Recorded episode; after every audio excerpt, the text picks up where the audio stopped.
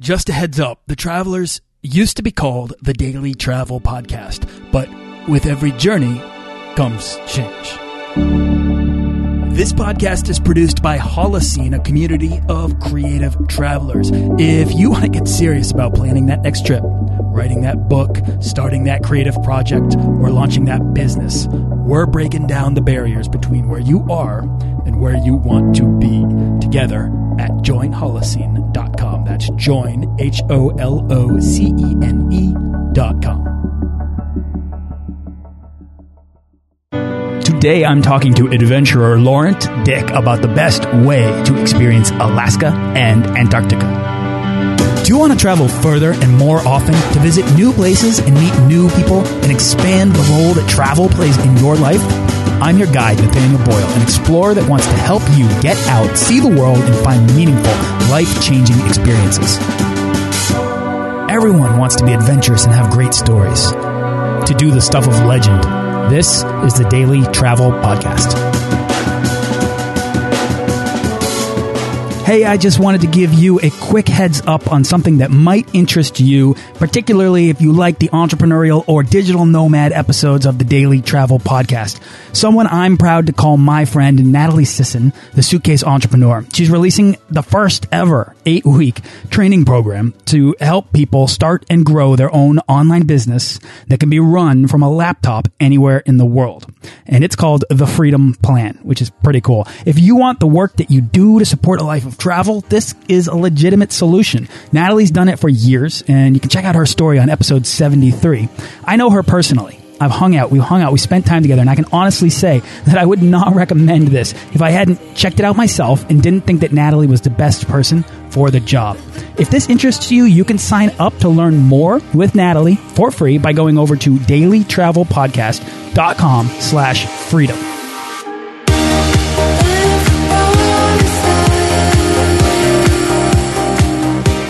Today's guest has been running independent tours for people of all ages through some of the colder regions of the world for over 20 years, including tours of Alaska and sailing trips to Antarctica, both of which really piqued my curiosity.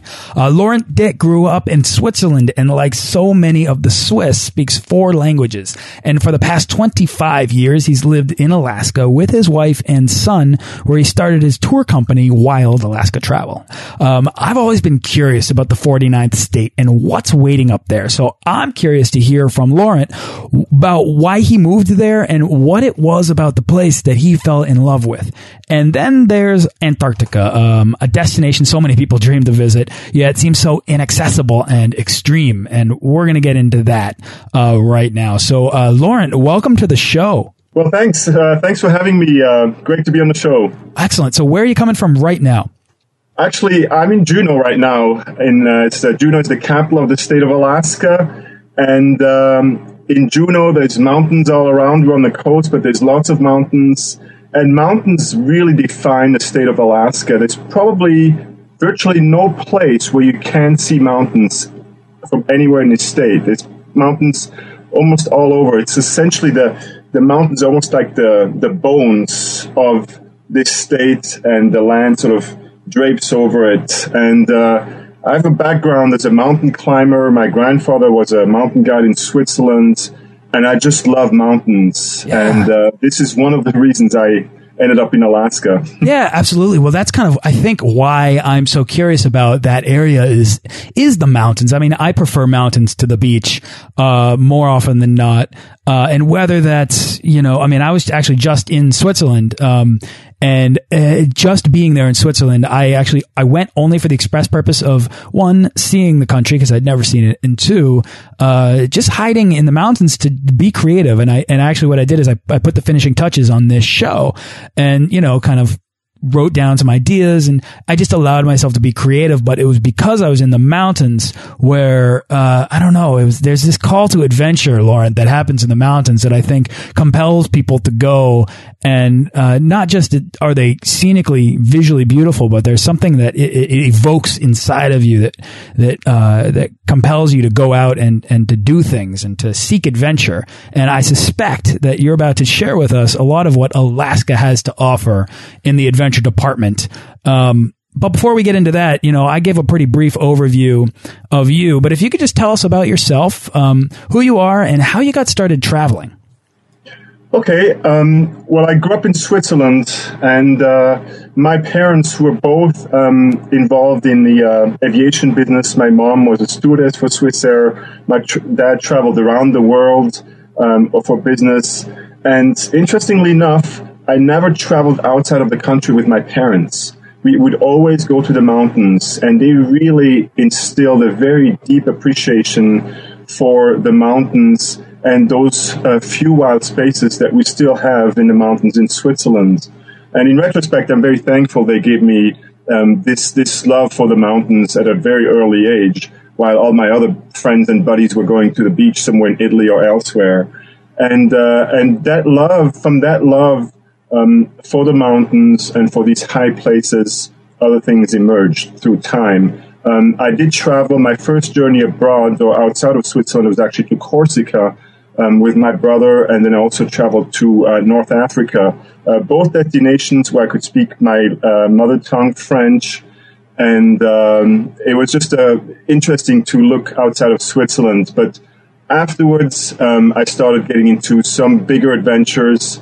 Um, first time I went to North America was to climb in the Canadian Rockies, and then uh, also uh, floated a river up in the Yukon Territory and one thing led to another. Um, for me, in many ways, it was a homecoming. Uh, being in those big, wild, open spaces, I felt at home, and um, I kept coming back.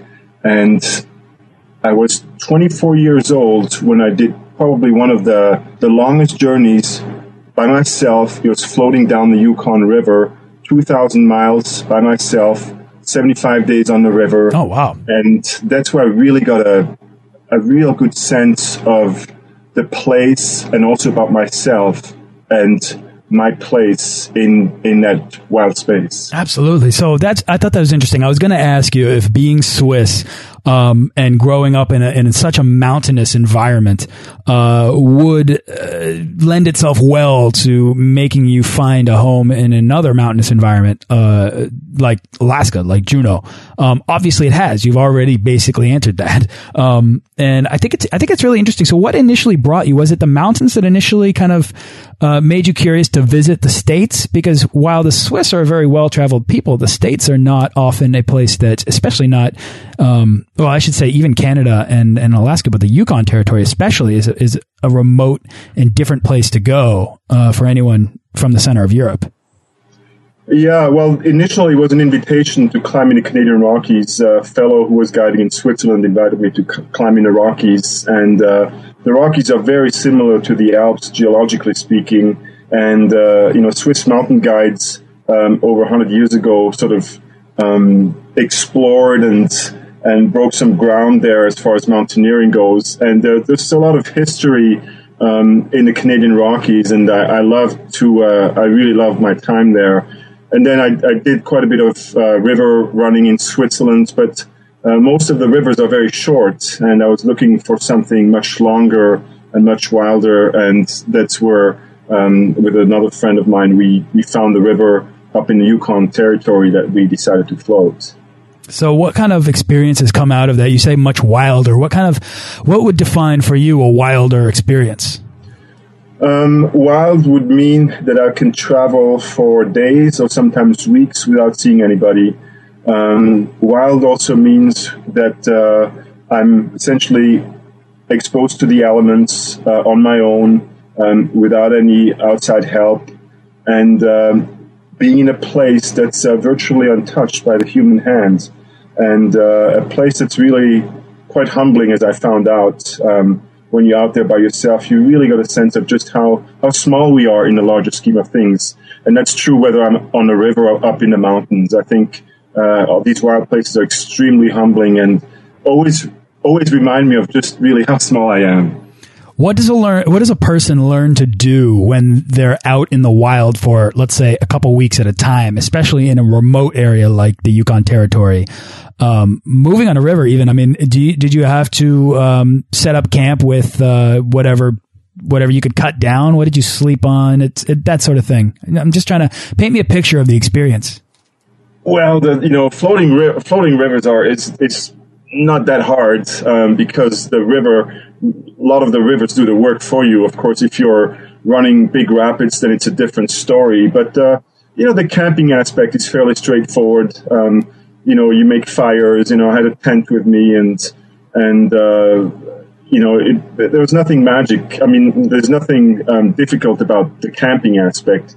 I think the really more challenging part is that um, these journeys are really also inward journeys. And for me, it was always sort of tied into learning something about myself. Of course, I wanted to learn something about Alaska and all it had to offer, but in the end, it always offered, it was like looking in the mirror and when you're out there by yourself, you are not performing for the gallery. It's pretty much just you and the river or you and the mountain.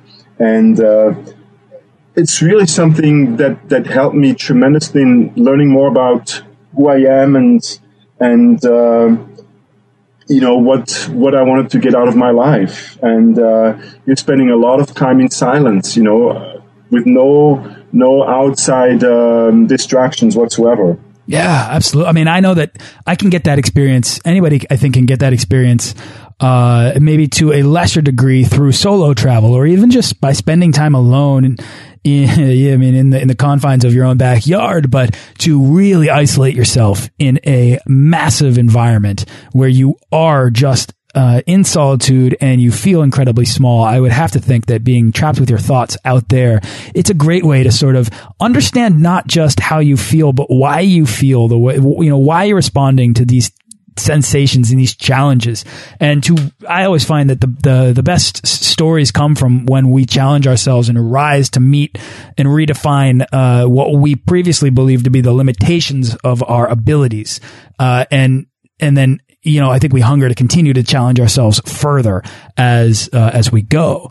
Um, That's very true. That's very true, and I think it always takes a leap leap of faith. You know, it's yeah. if you want to go beyond your your limits, um, you know, it takes some courage to to make that step. But uh, I think once once I was able to make that step, I realized that there was a whole other world that was opening in front of me that I had no no idea that it even existed and um, and it really, um, yeah, I, I never look back. You know, for me, I transitioned, and now I've been here for you know almost 25 years, and uh, and it's uh, it's my home now.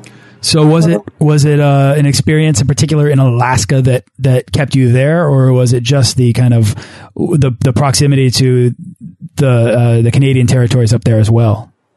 Well, it really was a, a whole um, there, there were many experiences that sort of um, you know nurtured my path. Um, one winter, um, I was able to spend some time in a very remote Inuit village in the Canadian Arctic, and I also had a very deep interest in how people adapted to extreme environments.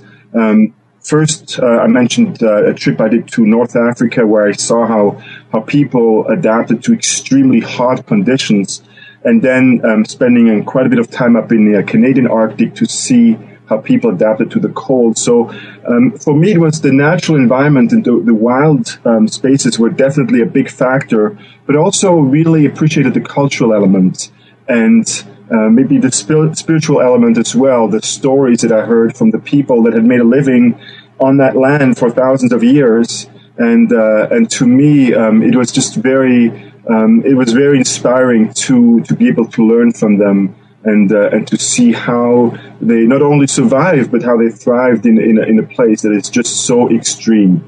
Laurent, let me let me ask you a question. Uh, one of the things that I've kind of learned from talking to people who have been to the more remote and challenging areas of the world is that the people out there are very. Um, it's almost like there's uh, there's more of a sense of community, and that e exists even among strangers. Strangers might be more willing to help other strangers out because someday they might need the help from strangers. Um, I'm not sure if that's if that applies to the Inuit people, but I'm just wondering if maybe you found that. And I ask because oftentimes the best travel stories come from the people you meet and the ways in which we help each other find our way. Um, and whether that's being lost in a city and just meeting a local who helps you find your way, or being in a really challenging environment like Alaska or the or the, the Great North, and um and, and, and meeting the people there and understanding and learning how it is that they get by. And I'm just wondering if that's been your experience. I would say that is true. I think uh, you know, especially in a place that's so there's so such a small population. I think um, people do really look out for each other. And what's so beautiful about it is that it's something that really transcends, you know, political backgrounds or affiliations or religious affiliations. It really is just, it's sort of the human spirit that just connects us and brings us together. And, um, you know, you actually appreciate those human connections so much more than, you know, if you're in, in a big city where you sometimes just want to get away from just that flow of people. So I would say that it's true. Um, I mean, I have had a lot of really special experiences uh, through time um, where you know, people really have come forward and have helped me in, in, in tremendous ways. I can actually, I can tell you a story. Um, um, I floated the river um, one year in northern Quebec, another big solo trip, and at the second last day of that trip, I my canoe capsized uh, in a big rapid, and I was kind of um, just floating with my stuff, and I was clinging um, to the canoe and I realized I had to let go of it because there was another set of rapids and falls. And as I was swimming in the river, there was a helicopter that came by very low and saw me floating in the water. And the helicopter circled a couple of times, landed on the beach. And, uh, and uh, it just, I was getting hypothermic, but I had just the energy to be able to swim to the shore. And, uh, you know, the, the, the person, that pilot just had a real incredible presence of mind to you know not only you know spot me but then to land because he, he saw that I was in, in great difficulties and that might be an extreme example but uh, you know people do look out for each other. And uh, for me that very moment it was uh, for me it was like a near death experience. And in many ways it also shaped the way I started living my life um, down the road. Not taking things for granted not um, waiting for doing things much in the future, but really trying to live in the present moment and and uh, and you know trying to fulfill the dreams I had at the time and not just postpone it for, some later time. Absolutely. I mean, and nothing like there's nothing like a near death experience. And I can I, I, can't speak from experience on that, but I can speak from the experiences of my guests. And uh, you know, for you to say that, I, I believe it because I've heard it before, Laurent, and it seems to really compel people. It's it's a it's a proximity to your own mortality that really kind of gives you a new perspective on time and how you want to invest it. Um, but you know, at what point did you start your uh, tour company, Wild Alaska Travel? Well, as I um, you know, as I lived in Alaska over the years, I started um, accumulating a lot of experience in the backcountry, be that on the rivers, be that in the mountains, and um, and I had quite a few friends that were operating guiding businesses, and uh, it was almost uh, a natural step that one day they would ask me if I could help out on a river trip, and one thing led to another and um, you know I uh, I started working um, for for these friends, and then came a time where I started dedicating myself more to photography. I stopped guiding. And um, I uh, worked as a photojournalist for the largest newspaper in the state. I started publishing photo books and I also produced a multimedia slideshow on climbing Denali, Mount McKinley, um, the highest peak in North America, and of course in the state and I started giving um, public. I was doing public speaking to um, visitors um, in in the state, and I was speaking to hundreds and hundreds of visitors every day, and um, I was doing that for several years. And then came the point for me to step back from this public speaking, and that's when I um, started uh, Wild Alaska Travel. Primarily, um, the, the, the, goal um, of, of my tour company is to to really provide authentic experiences in a very, very small group setting. Um, you know, I mentioned I live in Juneau. Juneau gets over a million cruise ship passengers every year. every summer. Um, just today, there were several big cruise ships that docked here, and uh, I've been qu- quite immersed in that whole um, cruise ship world, and that's when I really realized a lot of the, the visitors they are longing to have something different, to have something very personal, to have something you know on a one-on-one basis almost. And that's for me that was sort of what propelled me to to create um, my tour company, Wild Alaska Travel, really specializing on um, you know first-hand opportunities to experience in, in, at a very very personal level. Well, you know, Laurent, everything we're talking about here uh, about your life, about your perspective of the landscape, about your adventures, they're all rooted in your stepping out, your desire to step outside of your comfort zone, right? And cruise boats are are they have comfort zones built into them. They're basically built for comfort, right? So it's very organized, it's very planned, and it's it's probably the most comfortable way to see Alaska. Um, unfortunately, that means that it's also less likely to have uh, or discover, find a, an unexpected yet life changing story. Um, yet going, you know, with a guide, taking a, I always, I always encourage people who are hesitant or tentative to see, uh, the challenging parts of the world. There's, there's no shame in finding a guide at all. Uh, find, find somebody that can take, to can, you know, take you there and show you, give you the, uh, the experience so that you can actually find that story. Um, but I do believe that you have to step outside of your comfort zone to really find that great story. Yeah, it's very true. And, uh, you know, for me, the really neat thing about having, you know, traveling with a very small group, um, I just love the state and um, I'm very passionate about sharing it. And I remember, for instance, um, I was guiding a, a, Northern Lights tour in the spring and uh, I picked up my group. There were six guests from, uh, from LA, LA area. And the Northern Lights were already out. And I said, you guys, we have to go out. I picked them up at the airport. They dropped off their stuff at the hotel and we spent eight hours from midnight on, or 11 o'clock until 7 a.m. photographing the northern lights. And, uh, you know, for me, it was just such a, a powerful moment because, you know, I was able to, you know, I was just so excited about seeing the lights. I mean, I've seen them many times, but I'm still very excited to see them. And I was able to, you know, pass on that excitement and off we went. And, uh, you know, I'm very flexible, um, with my groups. And that's just one thing that's so neat, um, you know, to be able to do that at a moment's time. If things are happening, you know, we can take advantage of it. And, uh, um, to me, that's that's something very precious, and uh, I, I, really cherish that about you know my my.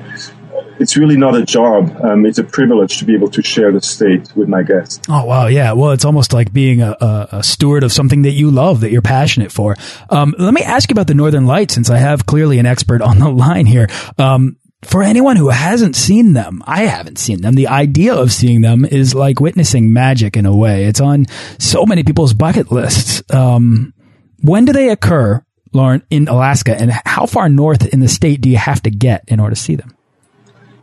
Okay, that's a good question. Well, the northern lights are happening all the time. Um, it's essentially um, solar solar wind that's that's um, hitting the Earth's magnetic field. However, um, in Alaska, um, in the summer, it doesn't get dark. So you can see the northern lights in the summer. A lot of lot of visitors that are coming up in the summer are very disappointed not to see them. But you know there are places in the state where the sun doesn't even set. So by mid-August, late August, the the skies are dark enough, and you start seeing the northern lights again. And then usually um, around um, uh, fall equinox and spring equinox are usually very good times. I would say spring probably the best time because we tend to have high pressure systems that linger for a long time, providing clear skies. And that's a real, that's a real critical element. The skies need to be clear. Last fall, we had the, the northern lights were at storm level. And unfortunately, the entire state was covered in clouds. And we saw these amazing photos that came from the you know people took from the east coast to the west coast and they could see them but up in alaska we were um, we couldn't see them it was very frustrating but generally speaking um, it is you know the high the high latitudes um, say around the polar circle whether it's here in alaska or in canada or in Scandinavia um, are definitely the best places to see them. Interesting. All right, and that's so that's around uh, March, April. Then is probably the best time. Yeah, February, March, April. Got it. Got it. All right. So yeah, I mean, Alaska to me is this fascinating place. So, um, take us through like maybe uh, one of your one of your tour itineraries and how how can someone go to Alaska, whether it's through you or you know on their own or whatnot. But um, and and really experience the culture that's there, that's beyond the city, and uh, and and see maybe what you would define to be authentic Alaska. Um, I think to really experience authentic Alaska, you need to step off the beaten path. And, you know, Alaska has a couple of really big cities, Anchorage and Fairbanks. And in those cities, you will find yourself with, um, you know, in a setting that could be almost anywhere USA. Um, it happens to be in Alaska, but uh, I think to truly, truly experience Alaska, you need to step away off the beaten path, off the road system even, and go into some of the more rural areas. I got a tour in the spring. Uh, it's a tour about the Iditarod Trail sled dog race, and I go to Nome. And uh, this tour is, for me, probably one of the most amazing tours um, that I do altogether because the Iditarod, it's like the Mardi Gras of dog mushing, uh, if you know what, what I mean. And it's it's the number one winter event in Alaska, and it's an event that's really um, it's about dog mushing. It's mushers dogs, and it's the people that support the race, the fans. And as we come in as as as visitors, we actually become part of the race. And so we're not just the tourists that are out on the outskirts; we're part of the event. And I think that's something that's that's quite um, quite unique and, and special. Um, going out to Nome, um, you know, it's a very small town, 3,000 people. Um, it is probably as far off the beaten path as you can get. Um, it's a crossroads of cultures. It's a crossroads of, of, continents. And it's just an extremely dynamic place. And, uh, and against this backdrop, you have this event, the Iditarod Trail Sled Dog Race. And it's just really fun. You know, we go out by snow machine to one of the checkpoints. We fly out into one of the Eskimo villages and spend a day there following the race. Um, we go out to follow musk oxen. And uh, one thing that I found very special that my guests really appreciate is to taste local foods. My guests want to find out what do people eat, and uh, so um, I have friends that uh, we we just go to their house and we get to taste um, moose, um, say moose, moose meat, um, seal oil, and blueberries, all these foods that are derived from the land. And uh, it's some of these experiences that really add another level to my tour, something very personalized. And uh, and I, I, found that uh, my guests really really appreciate that. Let me ask and, you, since you since you just mentioned a couple foods, what do people drink up there? well, um, in Nome, um, Nome is known for having a lot of bars, and uh, it's really it, it, can be quite rough, and uh, people will drink from beer to hard liquor and everything between.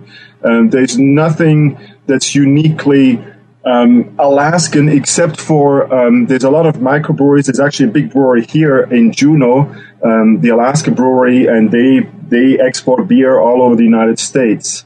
Um, but beyond that, um, I would say you can probably find anything you want as far as drinks go. There you go. It's wide open. Um, that, you know, that, I think that's awesome. I, the whole swath of, of, uh, culture and experience that's waiting for you in Alaska, I, I'm fascinated by it. It's it, because it's this concept that it's this idea that, that, I mean, there is foreign culture if you want to talk about the Inuit people, uh, who are largely foreign to the vast majority of Americans.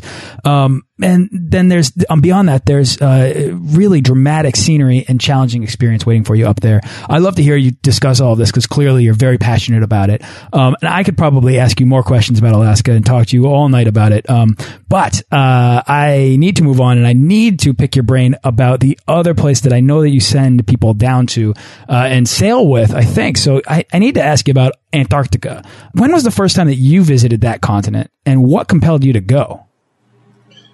That's a good question. Um, why did I go to Antarctica? um, I have to backtrack just a little bit. The seed for me going to Antarctica was actually planted in Nome when I lived up there.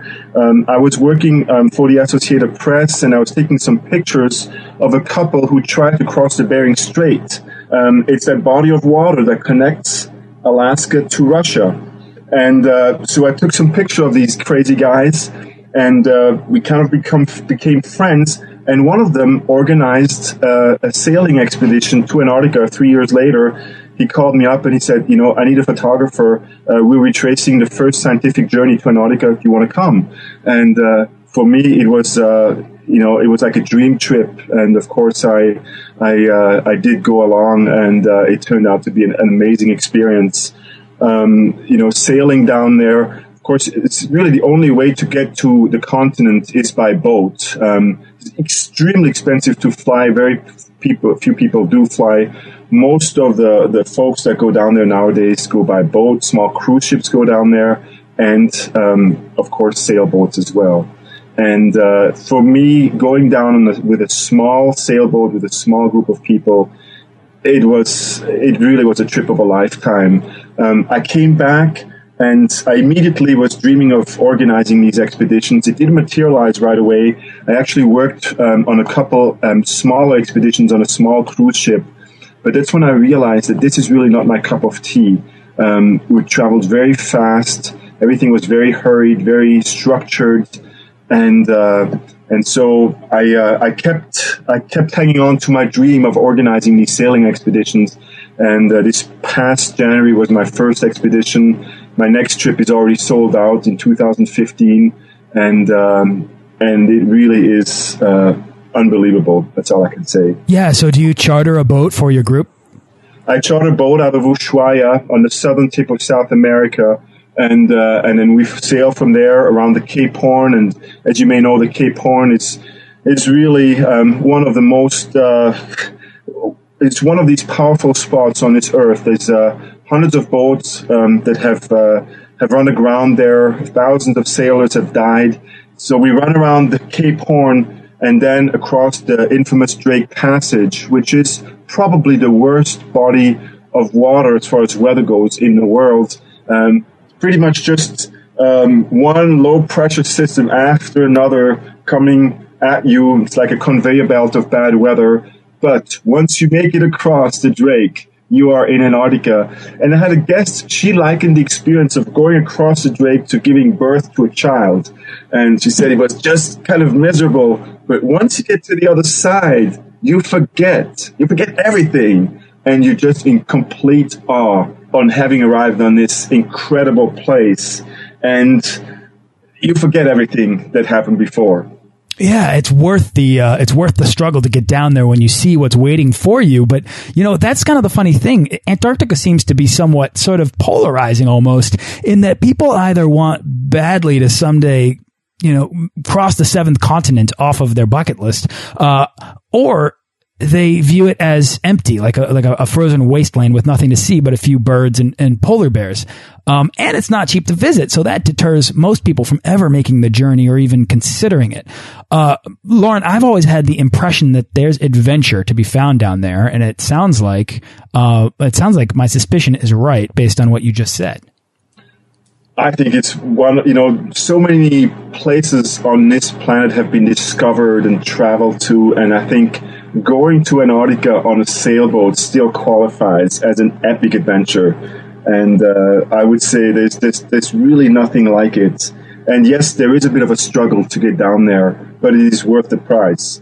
Um, what's awaiting um, along the uh, coast of Antarctica is just an explosion of life that we witness as we go down there during the austral summer. So in January, of course, it's the austral summer down there, 24 hour daylight and it's an explo- explosion of life. The penguins, the chicks are coming, um, are being born. Um, of course, whales are going down there because there's a lot of uh, plankton um, in the, in the water, and uh, it's just this whole. The coast is extremely vibrant. And of course, inland it's a different story, but along the coast and in the water, that's where it's all happening. Seals, birds. Um, it is a very, very dynamic place for a very short time. I, I love that. I mean, Laurent, this is exactly, I, I didn't even actually know this before I talked to you, but this is exactly how I want to see that continent. It really is.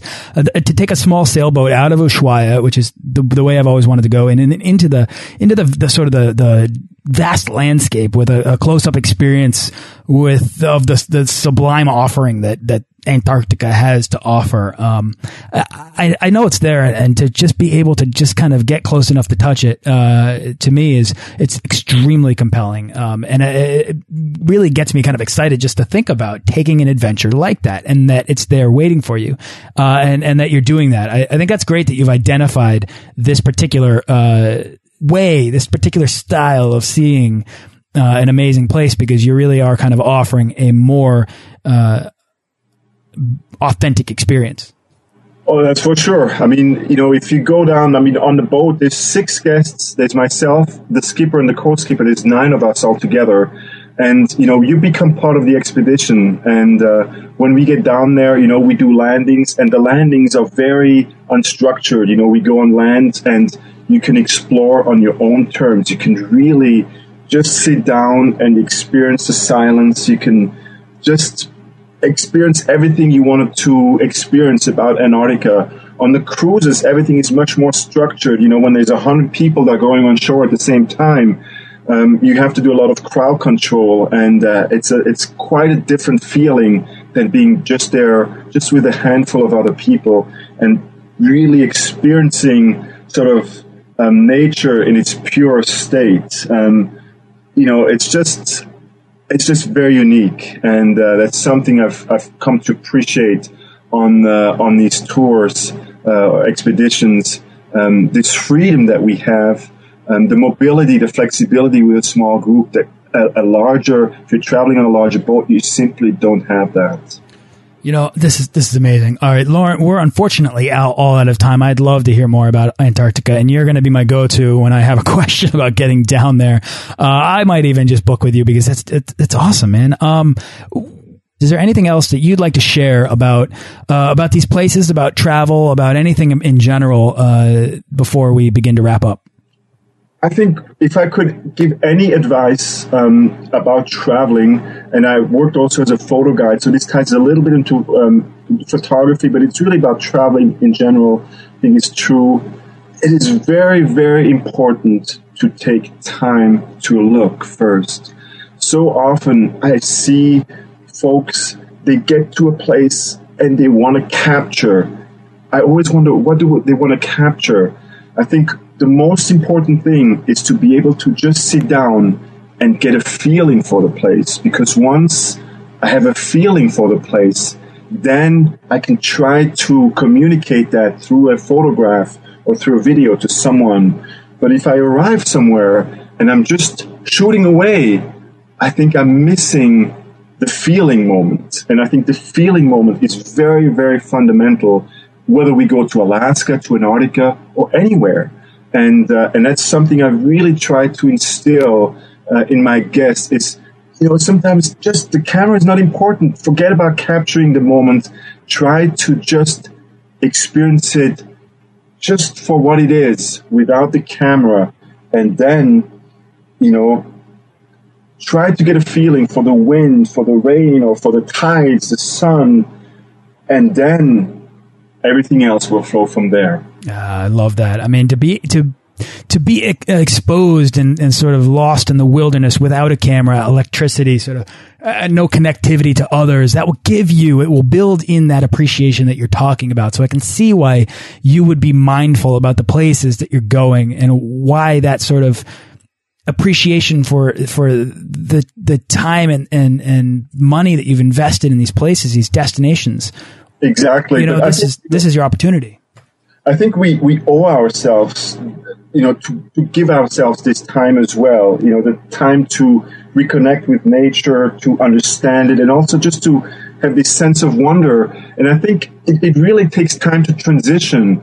Very often I see, I mean, I have guests that arrive from very, very busy lifestyles and it takes two or three days to let go of the emails and the cell phones and all these devices that control our everyday lives.